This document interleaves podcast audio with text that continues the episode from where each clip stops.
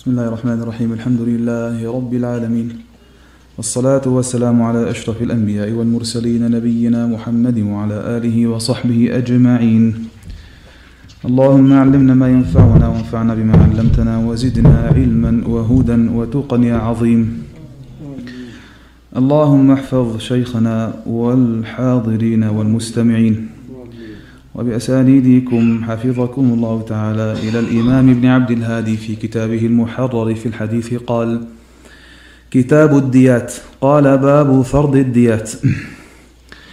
قال عن ابن عباس رضي الله عنهما عن النبي صلى الله عليه وسلم قال هذه وهذه سواء يعني الخنصر والإبهام رواه البخاري.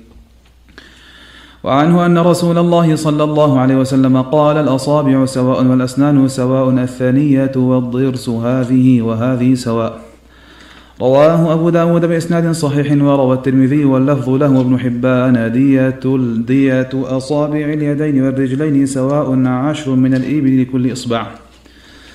وعن سليمان بن داود قال حدثني الزهري قال عن أبي بكر بن محمد بن عمرو بن حزم عن أبيه عن جده أن رسول الله صلى الله عليه وسلم كتب إلى أهل اليمن بكتاب فيه الفرائض والسنن والديات وبعث به مع عمرو بن حزم فقرأت على أهل اليمن وهذه نسختها من محمد النبي إلى شرحبيل بن عبد كلال والحارث بن عبد كلال ونعيم بن عبد كلال قيل في رعين ومعافر وهمدان أما بعد. وكان في كتابه أن من اعتبط مؤمنا قتلا عن بينة فإنه قرض إلا أن يرضى أولياء المقتول وإن في النفس الدية فإن وإن في النفس الدية مئة من الإبل وفي الأنف إذا أوعب جدعه الدية. وفي اللسان الدية وفي الشفتين الدية وفي البيضتين وفي البيضتين الدية وفي الذكر الدية وفي الصلب الدية وفي العينين الدية وفي الرجل الواحدة نصف الدية وفي المأمومة ثلث الدية وفي الجائفة ثلث الدية وفي المنقلات خمس عشرة من الإبل وفي كل إصبع من أصابع اليد والرجل عشر من الإبل وفي السن خمس من الإبل وفي الموضحة خمس من الإبل وأن الرجل يقتل بالمرأة وعلى أهل الذهب ألف دينار. رواه أحمد والنسائي هذا لفظ أبو حاتم البستي وقد أعل. قال النسائي وقد روى هذا الحديث عن الزهري يونس عن الزهري يونس بن يزيد مرسلا. وعن عمرو بن شعيب عن أبيه عن جده أن النبي صلى الله عليه وسلم قال في المواضح خمس, خمس من الإبل. رواه أحمد وأبو داود بن ماجه والنسائي والترمذي وحسنه واللفظ لأحمد وابن ماجه. وزاد أحمد والأصابع سواء كلهن عشر عشر من الإبل. وعنه أن رسول الله صلى الله عليه وسلم قال من قاتل مؤمنا متعمدا دفع إلى أولياء المقتول فإن شاءوا قاتلوا وإن شاءوا أخذوا الدية. وهي ثلاثون حقة وثلاثون جزعة وأربعون خليفة وما صالحوا عليه فهو لهم وذلك لتشديد العقل. رواه أحمد وأبو داود بن ماجه والترمذي وهذا لفظ وقال حديث حسن غريب. وعنه قال قال رسول الله صلى الله عليه وسلم عقل أهل الذمة نصف عقل المسلمين وهم اليهود والنصارى. رواه أحمد بن ماجه والنسائي واللفظ له والترمذي وحسن ولأبي داود. دية المعاهد دية المعاهد نصف دية الحر. وللنسائي عقل المرأة مثل عقل الرجل حتى يبلغ الثلث من ديتها. رواه من رواية إسماعيل بن عياش عن ابن جرج عن عمرو وقال إسماعيل ضعيف كثير الخطأ. وعنه أن النبي صلى الله عليه وسلم قال عقل شبه العمد مغلظ مثل عقل العمد ولا يقتل ولا يقتل صاحب وذلك أن ينزو الشيطان بين الناس فتكون دماء في عمياء في غير ضغينة ولا حمل سلاح رواه أحمد وأبو داود. وعن عبد الله بن عمرو عن النبي صلى الله عليه وسلم قال قتيل الخطأ شبه العمد قتيل السوط والعصا فيه مئة من الإبل أربعون منها في بطونها أولادها. رواه أحمد وأبو داود وابن ماجه والنسائي وفي إسناد اختلاف. وعن حجاج عن زيد بن جبير عن عن خشف بن مالك قال سمعت ابن مسعود يقول قضى رسول الله صلى الله عليه وسلم في دية الخطأ عشرين بنت مخاض وعشرين بن لبون. وعشرين ابن مخاض ذكورا وعشرين بنت لبون وعشرين جذاعة وعشرين حقة. رواه أحمد وأبو داود بن ماجه والترمذي والنسائي وقال الحجاج بن أرطاة ضعيف لا يحتج به. وقد بالغ الدار القطني في تضعيف هذا الحديث وقال الترمذي لا نعرفه مرفوعا إلا من هذا الوجه. وعن عكرمة عن ابن عباس قال قاتل رجل رجلا على عهد النبي صلى الله عليه وسلم فجعل النبي صلى الله عليه وسلم ديته اثني عشر ألفا وذلك قوله عز وجل وما نقاموا إلا أن أغناهم الله ورسوله من فضله في أخذهم الدية. رواه أحمد وأبو داود والترمذي وابن ماجه والنسائي. وهذا لفظ وقال الصواب مرسل وقال أبو حاتم بعد أن مرسلا المرسل أصح. قال باب القسامة قال عن سهل بن أبي حثمة عن رجال من كبراء قومه أن عبد الله بن سهل ومحيصة خرج إلى خيبر من جهد أصابهم فأتى محيصة فأخبر أن عبد الله بن سهل قد قتل وطرح في عين أو فقير فأتى يهود فقال أنتم والله قاتلتموه قالوا والله ما قتلناه ثم أقبل حتى أتى قومه فذكرهم ذلك. ثم أقبل هو وأخوه حويصة وهو أكبر منه وعبد الرحمن بن سهل فذهب محيصة يتكلم وهو الذي كان بخيبر فقال رسول الله صلى الله عليه وسلم لمحيصة كبر كبر ولد السن.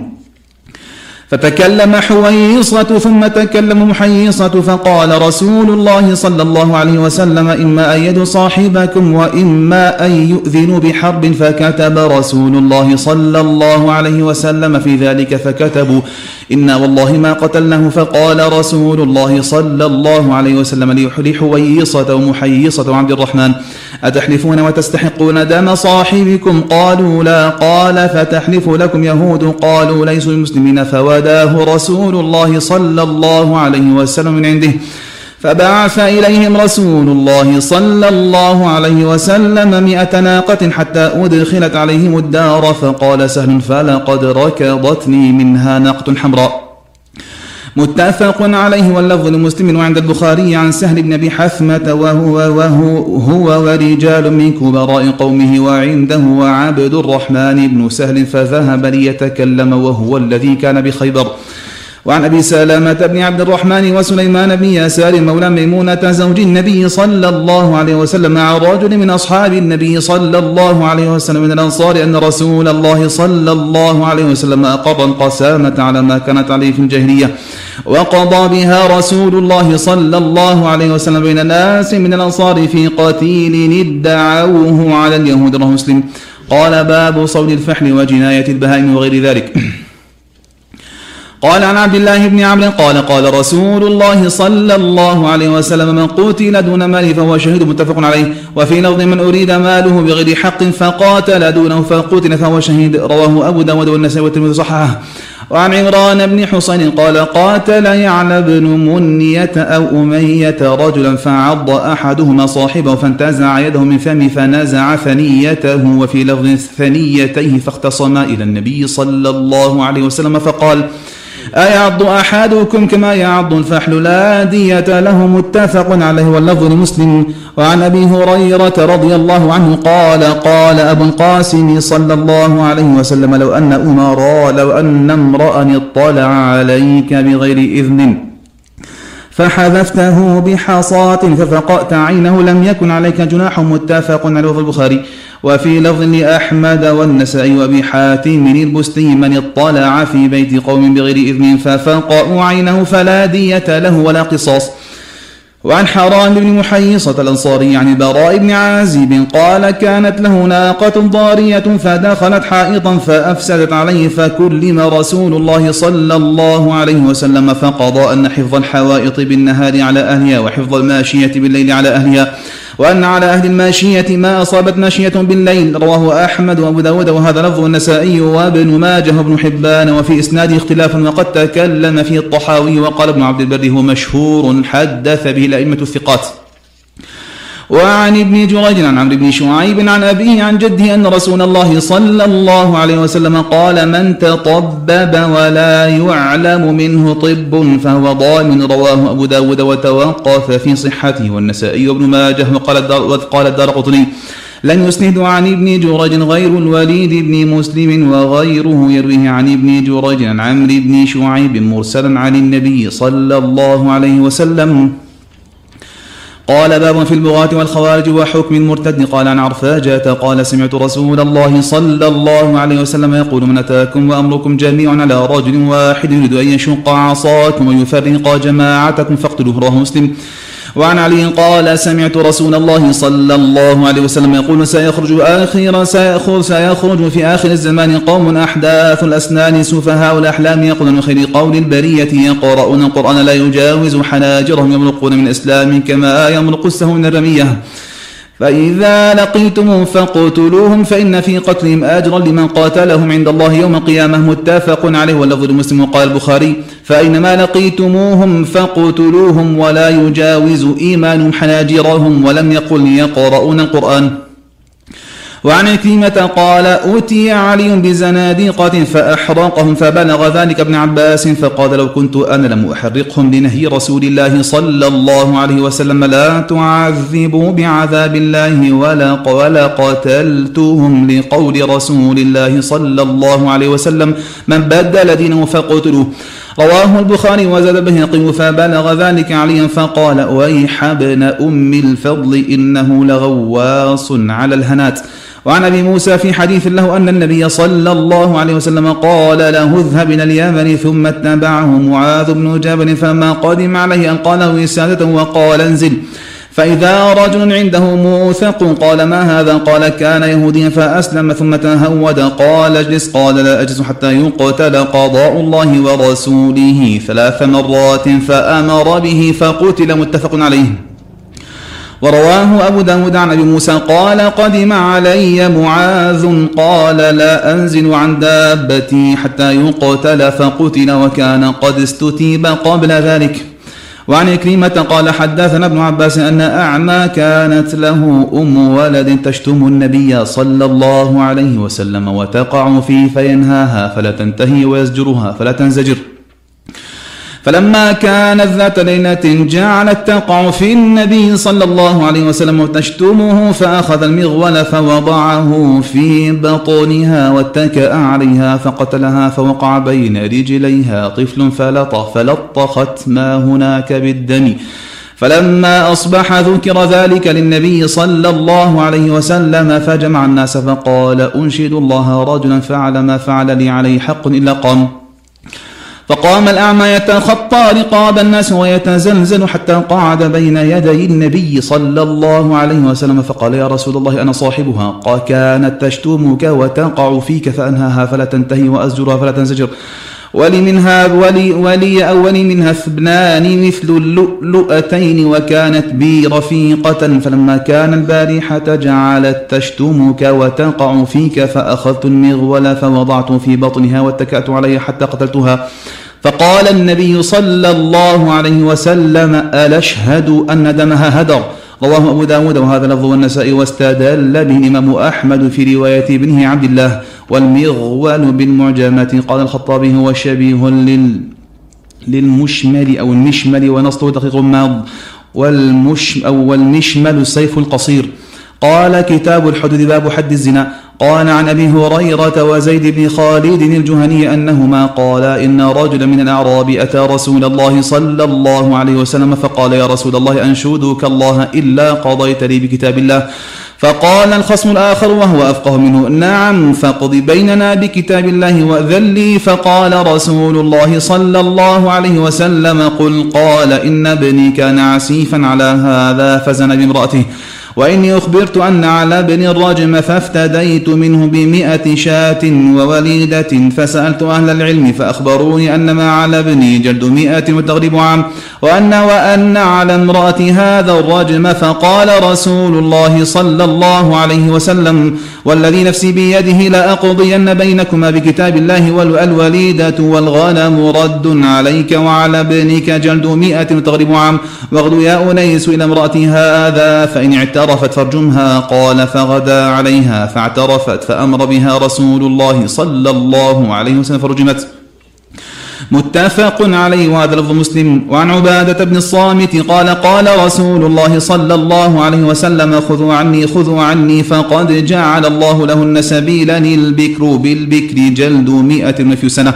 والثيب بالثيب جلد مئة والرجل رواه مسلم. وعن ابن شهاب عن أبي سلامة بن عبد الرحمن بن عوف وسعيد بن المسيب عن أبي هريرة رضي الله عنه قال أتى رجل من المسلمين رسول الله صلى الله عليه وسلم وهو في وهو في المسجد فناداه فقال يا رسول الله إني زنيت فأعرض عنه فتنحى تلقاء وجهي فقال له يا رسول الله إني زنيت.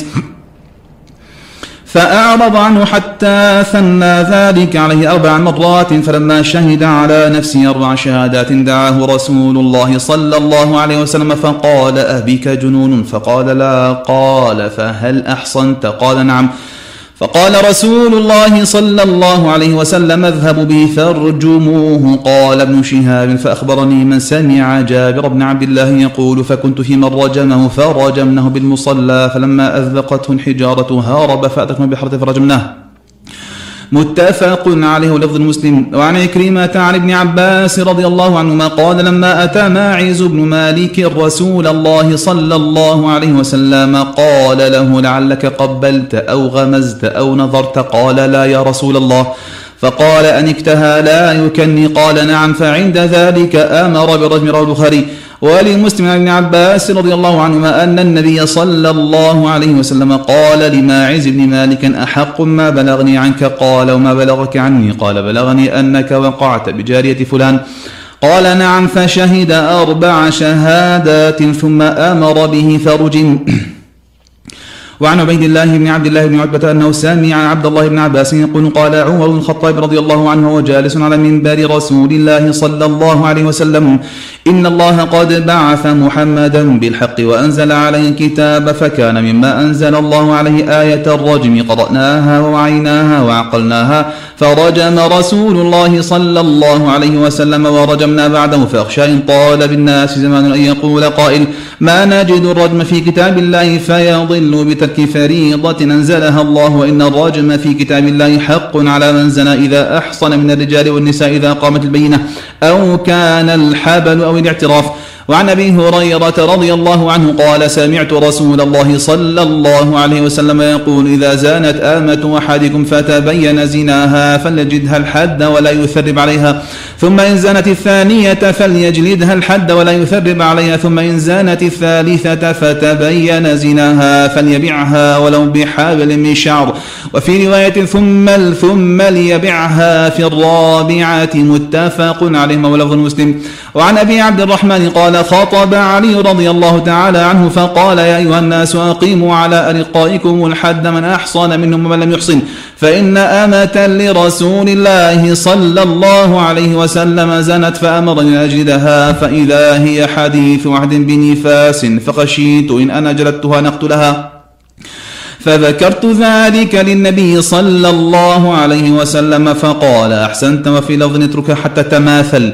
وعن عمران بن حصين أن امرأة من جهينة أتت نبي الله صلى الله عليه وسلم وهي حبلى من الزنا فقالت يا نبي الله أصابت حدا فأقم علي. فدعا نبي الله صلى الله عليه وسلم وليها فقال أحسن إليها فإذا وضعت فأتني بها ففعل فأمر بها نبي الله صلى الله عليه وسلم. فشكت عليها ثيابها ثم آمر بها فرجم ثم صلى عليها فقال له عمر تصلي عليها يا نبي الله وقد زنت فقال لقد تابت توبة لو قسمت على سبعين من أهل المدينة وسعتهم وهل وجدت توبة أفضل من أن جادت بنفسها لله رواه مسلم. وعن عبد الله بن عمر قال إن اليهود جاءوا إلى رسول الله صلى الله عليه وسلم فذكروا له أن رجل وامرأة زنيا فقال لهم رسول الله صلى الله عليه وسلم ما تجدون في التوراة في شأن الرجم فقالوا نفضحهم ويجلدون. قال عبد الله بن سلام كذبتم إن فيها الرجم فأتوا بالتوراة فنشروها. فوضع أحدهم يده على آية الرجم فقرأ ما قبلها وما بعدها فقال له عبد الله بن سلام ارفع يدك فرفع يده فإذا فيها آية الرجم فقالوا صدق يا محمد في آية الرجم. فأمر رسول الله صلى الله عليه وسلم فرج بهما فأمر بهما رسول الله صلى الله عليه وسلم فرجما فرأيت الرجل يحني على المرأة يقيها الحجارة. متفق عليه لفظ البخاري. وعن جابر بن عبد الله رضي الله عنهما قال رجم رسول الله صلى الله عليه وسلم رجلا من أسلم ورجلا من اليهود وامرأة. رواه مسلم. وعن ابن إسحاق عن يعقوب بن عبد الله بن الأشج عن أبي أمامة بن سهل بن حنيف عن سعيد بن سعد بن عبادة قال كان بين كان بين أبياتنا رويجل ضعيف مخدج فلم ير فلم يرع الحي إلا وهو على آمة من إمائهم يخبث بها. قال فذكر فذكر ذلك سعد بن عبادة لرسول الله صلى الله عليه وسلم وكان ذلك الرجل مسلما فقال اضربوا حده. قالوا يا رسول الله إنه أضعف مما تحسب لو ضربناه مئة قتلناه. فقال خذوا له خذوا له عفكالا فيه مئة شمراخ ثم اضربوه ضربة واحدة. قال ففعلوا رواه أحمد بن ماجه والنسائي والطبراني وإسناده جيد لكن فيه اختلاف. وقد روي مرسلا وعن عمرو بن أبي عمرو عن عكرمة عن ابن عباس أن النبي صلى الله عليه وسلم قال ما وجدتموه وقع على بهيمة فاقتلوه واقتلوا البهيمة. وما وجدتموه يعمل عمل قوم لوط فاقتلوا الفاعل والمفعول به. رواه أحمد وأبو داود والترمذي وأبو يعلى الموصلي وإسناده صحيح. فإن عكرمة روى له البخاري وعمر من رجال الصحيحين وقد أعل بما فيه نظر وروى النسائي أوله ابن ماجه آخره. قال باب حد القذف عن أبي هريرة رضي الله عنه قال سمعت أبا القاسم صلى الله عليه وسلم يقول من قذف مملوكه يقام عليه الحد يوم القيامة إلا أن يكون كما قال متفق عليه وقال النسائي هذا حديث جيد. وعن عائشة رضي الله عنها وعن أبيها قالت لما نزل لما لما نزل عذري قام النبي صلى الله عليه وسلم على المنبر فذكر ذلك وتلا القرآن. فلما نزل فلما نزل أمر برجل برجلين وامرأة فضربوا حدهم رواه أحمد وأبو داود بن ماجه والنسائي والترمذي وقال حديث حسن غريب لا نعرفه إلا من حديث ابن إسحاق. قال باب حد السارقة عن أبي هريرة رضي الله عنه قال قال رسول الله صلى الله عليه وسلم لعن الله السارق يسنق البيضة فتقطع يده ويسنق الحبل فتقطع يده. وعن ابن عمر أن رسول الله صلى الله عليه وسلم قطع في مجن ثمنه ثلاثة دراهم متفق عليهما. وعن عائشة رضي الله عنها أنها سمعت رسول الله صلى الله عليه وسلم يقول لا تقطع يد السارق إلا في ربع دينار فصاعدا. وعنها أن قريشا أهم أهمهم شأن المرأة المخزومية التي سرقت فقالوا من يكلم فيها رسول الله صلى الله عليه وسلم؟ فقالوا ومن يجترئ عليه إلا أسامة حب النبي صلى الله عليه وسلم. فكلمه أسامة فقال رسول الله صلى الله عليه وسلم أتشفع في حد من حدود الله؟ ثم قام فاختطب فاختطب فقال أيها الناس إنما أهلك الذين قبلكم أنهم كانوا إذا سرق فيهم الشريف تركوه وإذا سرق فيهم الضعيف أقاموا عليه الحد وأيم الله لو أن فاطمة بنت محمد سرقت لقطعت يدها. متفق عليه ولفظ المسلم. وله كانت امرأة مخزومية تستعير المتاع وتح وتجحده فأمر النبي صلى الله عليه وسلم بقطع يدها. وعن جابر عن النبي صلى الله عليه وسلم قال ليس على خائن ولا منتهب ولا مختلس قطع رواه أحمد وأبو داود بن ماجه وابن حبان والنسائي والترمذي وصححه وقد أعل. وعن أبي أمية المخزومي أن النبي صلى الله عليه وسلم أوتي بلص قد اعترف اعترافا ولم يوجد معه متاع فقال النبي صلى الله عليه وسلم ما إخالك سرقت. قال بلى فعاد عليه مرتين أو ثلاثا فآمر به فقطع وجيء به فقال استغفر الله وتب إليه فقال استغفر الله وأتوب إليه فقال صلى الله عليه وسلم اللهم تب عليه رواه أحمد وأبو داود وهذا لفظ النسع بن ماجه قال مع رافع بن خديج قال سمعت رسول الله صلى الله عليه وسلم يقول لا قطع في ثمر ولا كث ولا كثر. قال رواه أحمد وأبو داود بن ماجه والنسائي والترمذي وأبو حاتم البستي ورجاله رجال الصحيحين. وعن المسور بن إبراهيم عن عبد الرحمن بن عوف أن رسول الله صلى الله عليه وسلم قال لا يغرم صاحب سرقة إذا أقيم عليه الحد. رواه النسائي وقال هذا مرسل وليس بثابت وقال أبو حاتم حديث منكر ومرسل وتكلم فيه ابن عبد البر والبيهقي وغيرهما. قال باب حد الشرب وذكر الأشربة. قال عن أنس بن مالك رضي الله عنه أن النبي صلى الله عليه وسلم أوتي برجل قد شرب الخمر. فجلده بجريدتين كنحو أو كنحو أربعين قال وفعله أبو بكر فلما كان عمر استشار الناس. فقال عبد الرحمن بن عوف أخف الحدود ثمانين فأمر به عمر متفق عليه وهذا لفظ مسلم هو أتم وله عن حسين بن المنذر أبي ساسان قال شهدت عثمان بن عفان أوتي بالوليد قد صلى قد صلى الصبح ركعتين ثم قال أزيدكم فشهد عليه رجلين أحدهما حمران أنه شرب الخمر وشهد آخر أنه رآه يتقيأ فقال عثمان رضي الله عنه إنه لم يتقي حتى شربا فقال يا علي قم فاجلده. فقال علي قم يا حسن فاجلده. فقال الحسن ول حارها من تولى من تولى قارها. فكأنه وجد عليه فقال يا عبد الله بن جعفر قم فاجلده. فجلده وعلي يعد. حتى بلغ أربعين فقال أمسك. ثم قال جلد النبي صلى الله عليه وسلم أربعين. وجلد أبو بكر أربعين وعمر ثمانين وكل سنة. وهذا أحب إليه. وعن معاوية بن أبي سفيان عن النبي صلى الله عليه وسلم في شارب الخمر إذا شرب فاجلدوه ثم إذا شرب فاجلدوه ثم إذا شرب الثالث فاجلدوه ثم إذا شرب الرابعة فاضربوا عنقه رواه أحمد واللفظ له وأبو داود بن ماجه والترمذي ورواته ثقات. وقد روى جماعة من الصحابة رضي الله عنهم نحو هذا الحديث.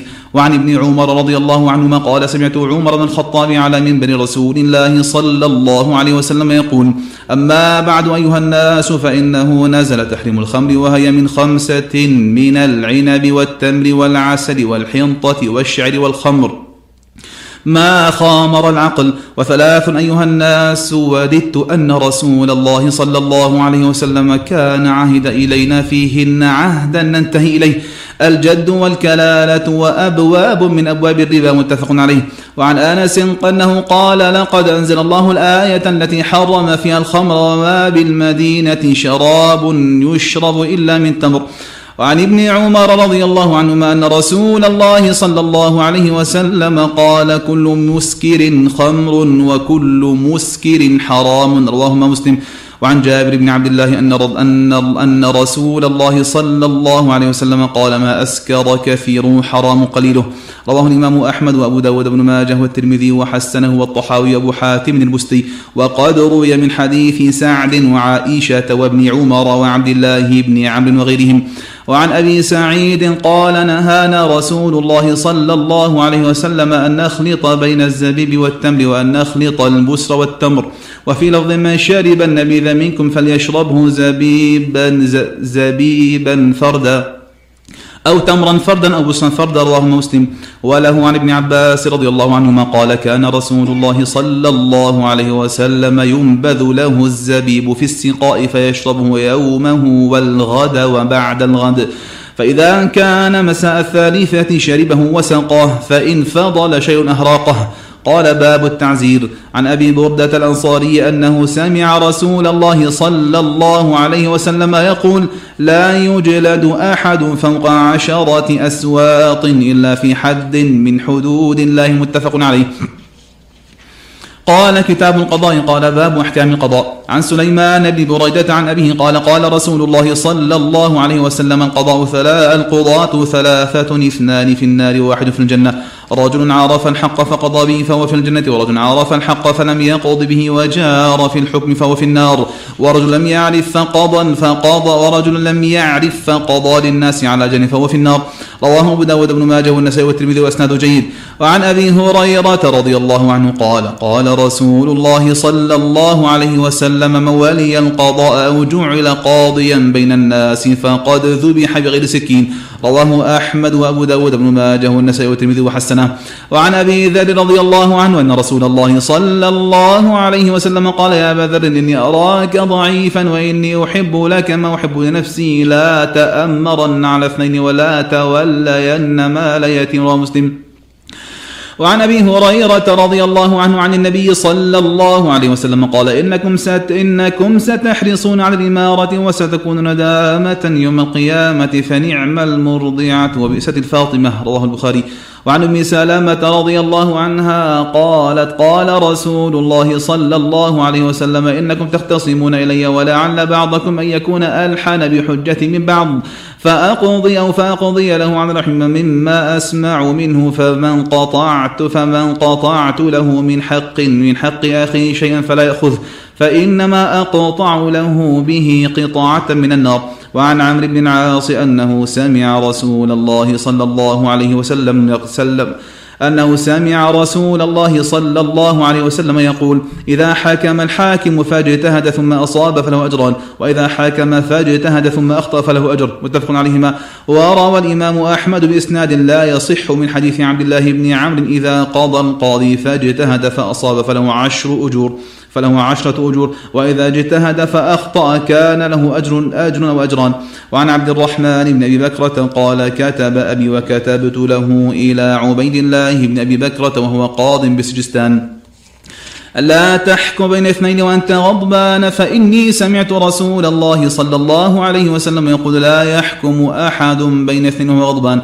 وعن أبي هريرة رضي الله عنه عن النبي صلى الله عليه وسلم قال بينما امرأتان معهما ابناهما جاء الذئب فذهب ابن إحداهما فقالت هذه لصاحبتها إنما ذهب بابنك أنت وقالت الأخرى إنما ذهب بابنك فتحاكمتا إلى داود فقضى به الكبرى.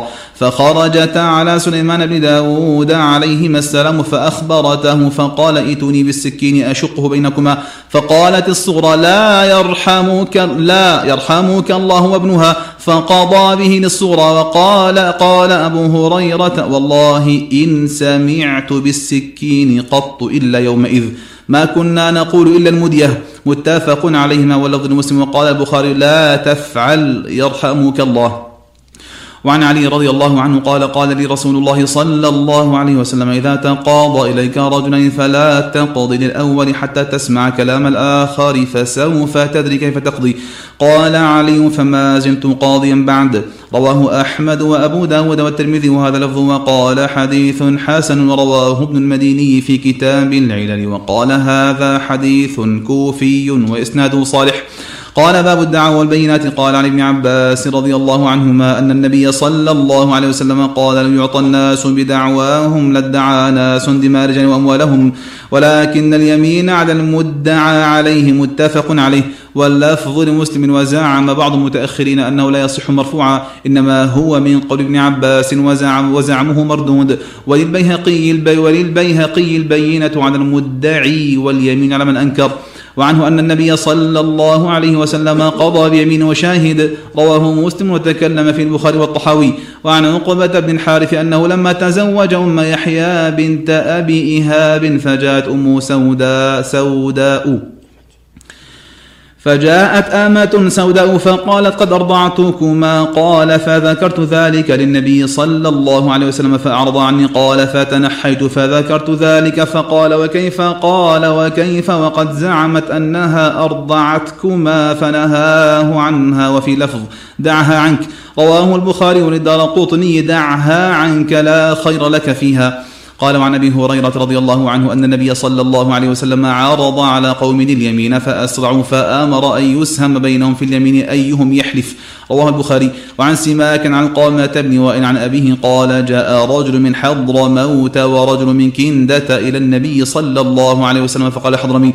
يا رسول الله إن هذا قد غلبني على أرض لي كانت لأبي فقال لكندي هي أرضي في يدي أزرعها ليس له في حق.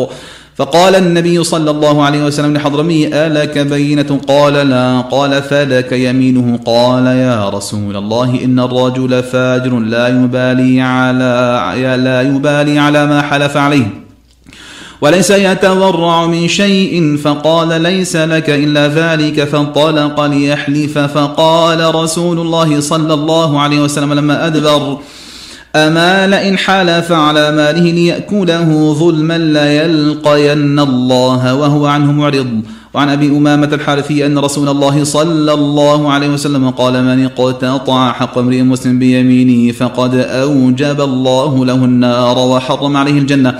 فقال له رجل وإن كان شيئا يسيرا قال وإن قضيب من أراك رواه مسلم وعن الأشعث بن قيس قال كانت بيني وبين رجل خصومة في بن فاختصمنا إلى رسول الله صلى الله عليه وسلم فقال شهدك أو يمينه فقال إنه إذا يحلف أو يحلف ولا يبالي. فقال من حلف على يمين يقتطع بها مال امرئ مسلم هو فيها فاجر. لقي الله وهو عليه غضب متفق عليه. وعن سعيد عن قتادة عن سعيد بن أبي بردة عن أبي عن أبي موسى أن رجلا اختصما إلى النبي صلى الله عليه وسلم في دابة ليس لوحده بينه فقضى بها بينهما نصفين. رواه أحمد وأبو داود بن ماجه والنسائي هذا لفظ وقال إسناد إسناد هذا حديث جيد. وروى أبو داود من حديث همام عن قتادة بإسناد أن رجلين ادعيا بعيرا العهد على عهد النبي صلى الله عليه وسلم فبعث كل واحد منهما شاهدين. فقسماه النبي صلى الله عليه وسلم بينهما نصفين.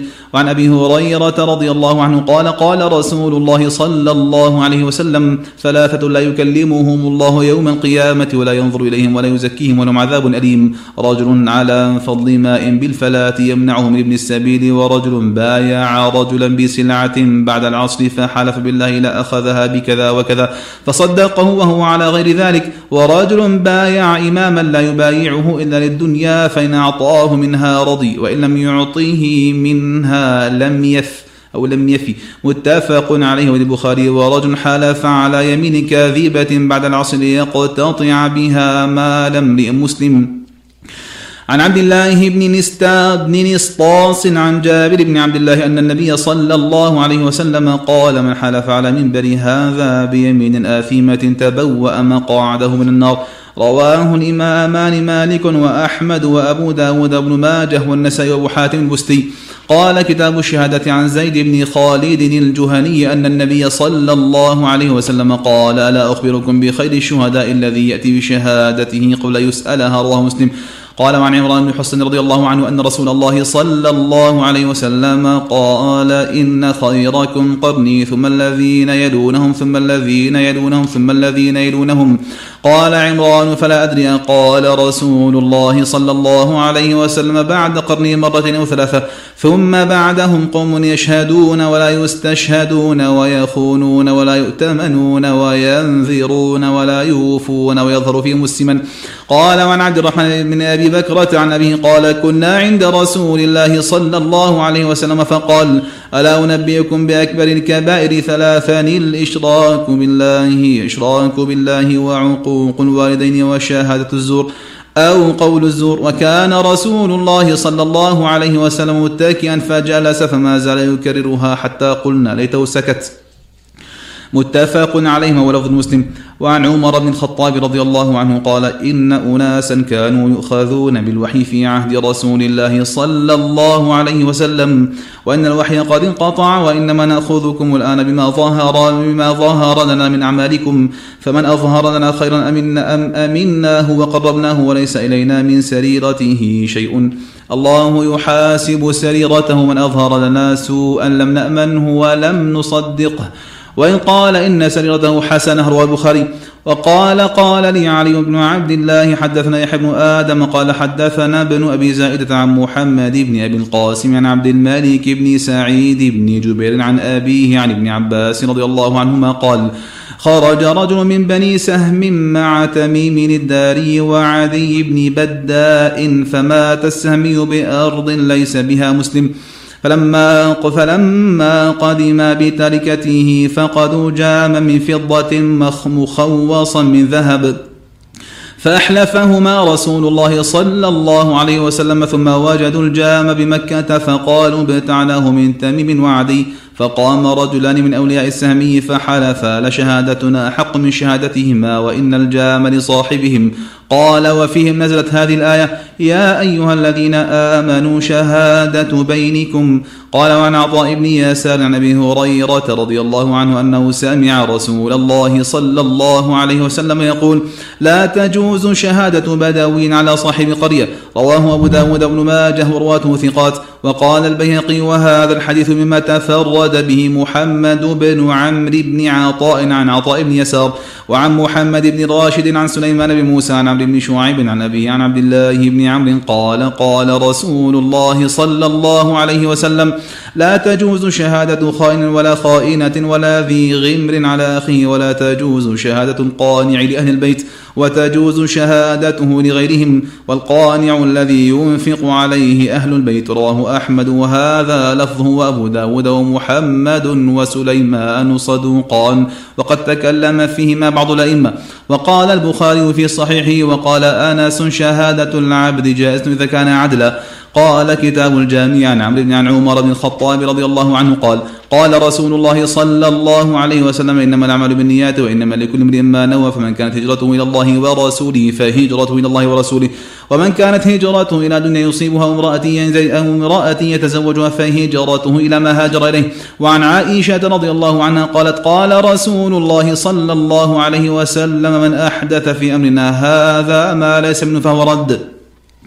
وعن الشعبي عن النعمان بن بشير قال سمعته يقول سمعت رسول الله صلى الله عليه وسلم يقول وأهوى النعمان بإصبعه إلى أذنيه إن الحلال بين وإن الحرام بين وبينهما أمور مشتبهات لا يعلمهن كثير من الناس فمن اتقى الشبهات استبرأ لدينه وعرضه ومن وقع في الشبهات وقع في الحرام يرى حول الحمى يوشك أن يقع فيه.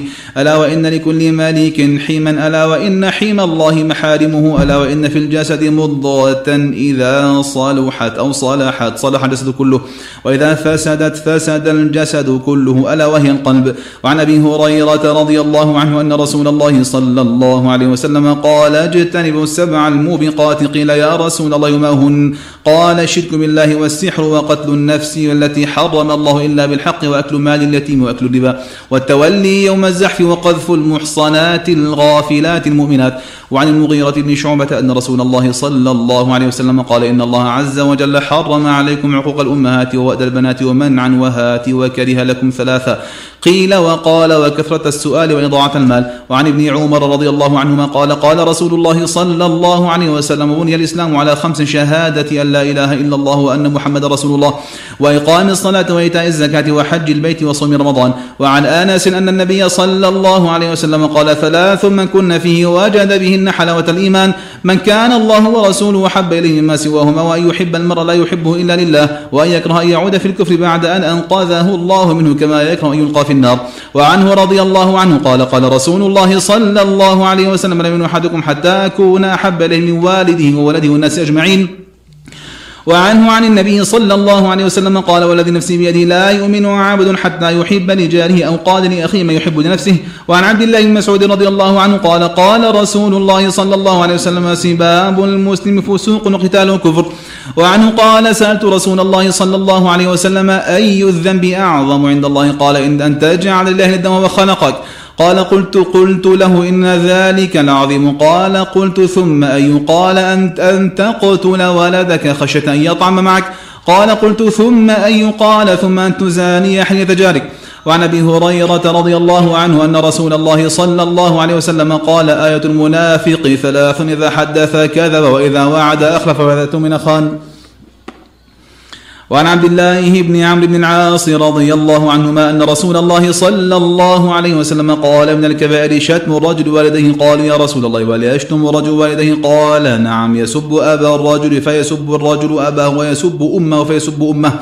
وعن الأعمش عن أبي صالح عن أبي هريرة رضي الله عنه قال قال رسول الله صلى الله عليه وسلم من قاتل نفسه بحديدة فحديدته في يده يتوجأ بها في يده في نار جهنم خالدا مخلدا فيها أبدا.